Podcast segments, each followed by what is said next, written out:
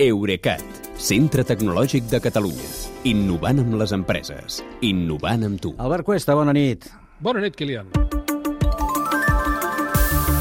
Tornem a parlar d'intel·ligència artificial. És el que toca, Per sí. no perdre costum, però atenció, perquè el motiu d'avui és bastant particular. Avui estem parlant d'això perquè durant unes hores s'ha dit que un dron militar havia decidit matar el seu operador perquè no li deixava portar a terme la seva missió. Ah, no? No m'ho deixes fer? Doncs vinga per tu.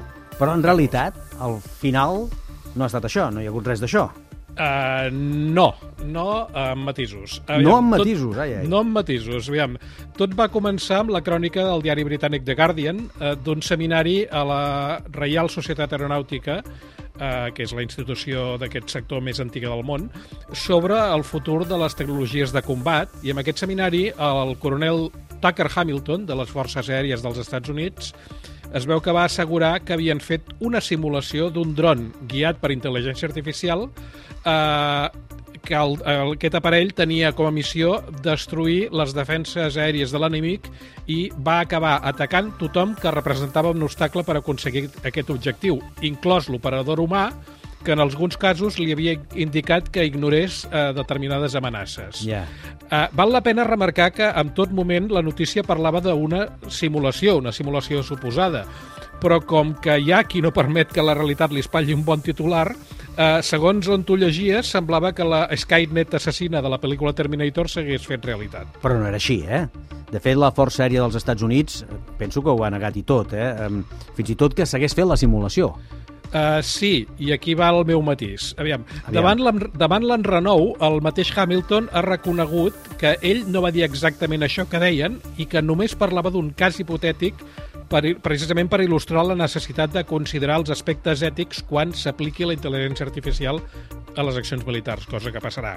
Uh, fins i tot l'exèrcit ha assegurat, com deies, que no està fent aquesta mena de simulacions, que el comentari del militar es va treure de context i que mantenen el seu compromís amb un ús ètic i responsable de la intel·ligència artificial. Jo, francament, sospito que Hamilton sí que va dir això que s'ha explicat, però que els militars han preferit desautoritzar-lo i obligar-lo a retractar-se eh, per, no, per no dir que per no desautoritzar el mitjà que, perquè realment que, sigui, que d'allò que no va, que van reproduir el que ell havia dit Ja. i sobretot per no haver de donar més detalls del que estan fent sense que el públic ho sàpiga i de, i de fet ja se sap que el mateix exèrcit de l'aire dels Estats Units hi ha anat més enllà de les simulacions i que té un caçabombarder F-16 pilotat amb intel·ligència artificial precisament. També hi ajuda que la suposada notícia arriba just després que diverses personalitats del sector tecnològic hagin avisat, n'hem parlat aquests dies, del risc que la intel·ligència artificial porti la humanitat a la seva extinció. ho van fer amb una declaració brevíssima que diu, eh, literalment, i només, diu que mitigar el risc d'extinció provocat per la intel·ligència artificial hauria de ser una prioritat mundial al mateix nivell que altres perills que afecten tota la societat, com les pandèmies i la guerra nuclear. Això ho cito textualment.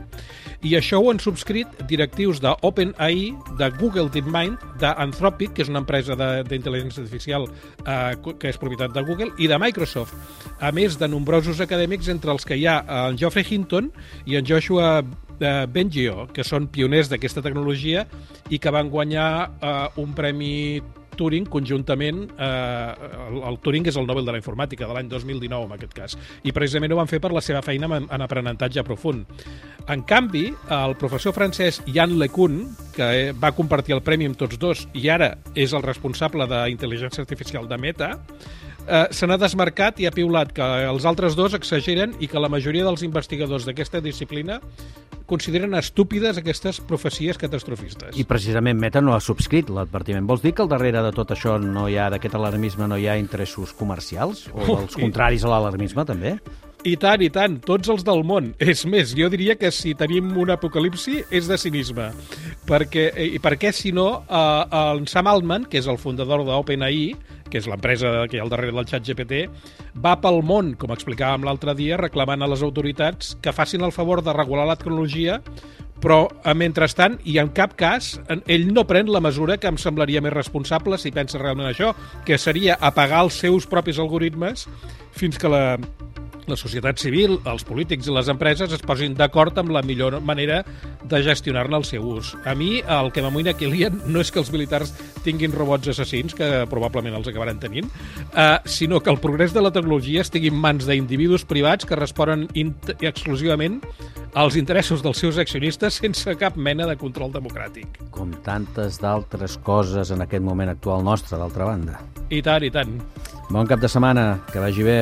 Fins dilluns, que farem la crònica de les notats d'Apple. Ah, mira, doncs ja ho tenim, això. Va, que vagi bé. Passi bé.